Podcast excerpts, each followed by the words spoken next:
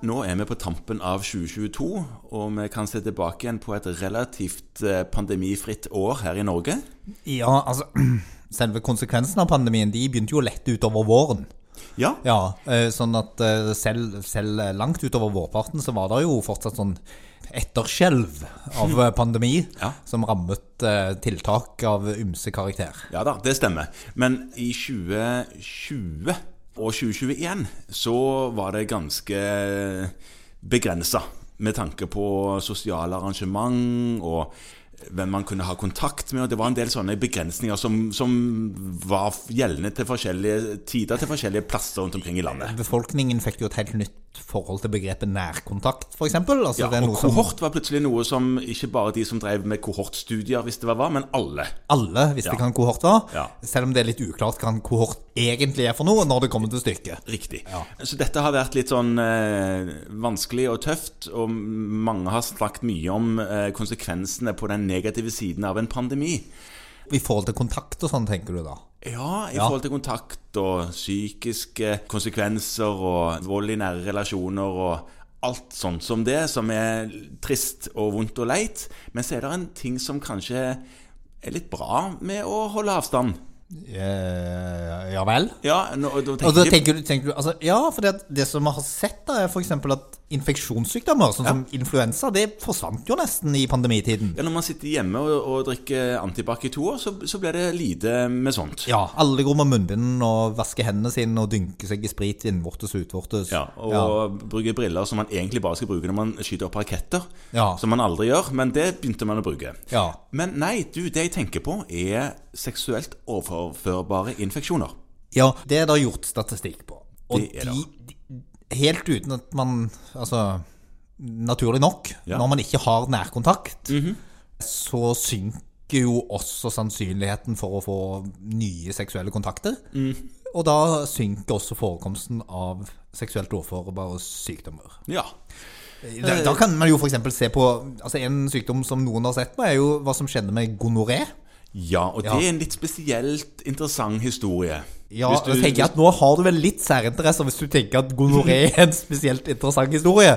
Ja, altså gonoré, da tenkte jeg på egentlig hvordan eh, The rise and fall the, Eller the fall and rise, egentlig. The Fallen Rise, ja. Ja. Det, det, hvis vi begynner med det overordnede så Hvis en ser på tallene før pandemien, i 2019, så var det blant menn ca. 1400 tilfeller av gonoré Ja, i året. i året. ja. Mhm. Og så sank det ned til rett over 400 Du er på menn nå? ja, Ja, mm. i 2022. Ja, Nei, det var- 2021. 2021. Ja, Ja. men det var jo en dramatisk reduksjon. Ja. Det som viser seg da, er jo det at effekten her er relativt kortvarig. Mhm. Fordi at i 2022 da, til nå i år, Ja. som jo er altså, Det er vel begrensa hvor mange flere vi klarer å få diagnostisert nå før Det ble en god jul hvis det, hvis det skal bli så veldig mye mer. For å si det sånn. julebordsesongen er over. Ja. eh, mulig at disse registreres i januar, la oss si det sånn. mulig. Så er man oppe på, på 1200 igjen, så man har nesten tatt igjen. Ja. Ja. ja, så da, da eh, Hvis det det skal være et mål på hvor sosialt omgjengelig man er som folkeferd, så er man tilbake til der man var. Ja, Det som er enda mer interessant, og som man jo kan lure litt på, det er at hos kvinner har det skjedd noe annet. Noe annet. Ja, eller ikke noe annet, men de hadde også en sånn jevn stigning, egentlig. Og de, dette er jo sånn som det med all statistikk, det kommer an på hvor du legger på den der linjalen. Ja. Men, men det så ut som det økte litt fram til 2019. Og så falt det også. Men det, de har jo, kvinner har mye mindre gonoré enn menn. Ja. Eh, det går nok litt på hvilke miljøer dette har vært utbredt. Men Og så går det òg på hvor lett man oppdager symptomer, tenker jeg. Det er Ja. en grunn til at dette heter dryppert. Ja. Ja. Mm. ja. Men de hadde da, det var rundt 400 tilfeller på kvinner i 2019. Ja. Og så sank det ned til 175 rundt der Mhm. i, i 2021. Ok. Eh, Men nå er vi over 400 til nå i 2022. Sånn at de har ikke bare tatt igjen, men mer enn det.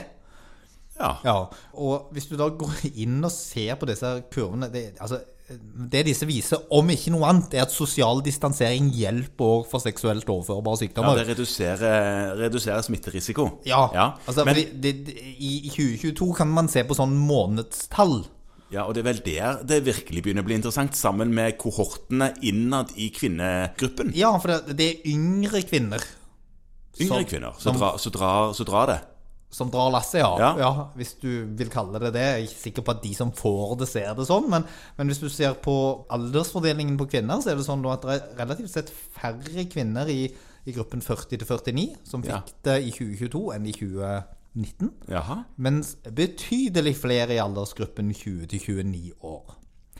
Ja. Eh, Og, og som fast, altså, hvorfor siden vi snakker om dette, det er jo fortsatt er det ikke sånn at annenhver pasient som kommer på kontoret ditt i aldersgruppen 20-29 år, kommer til å ha gonoré. Heldigvis ikke. Nei.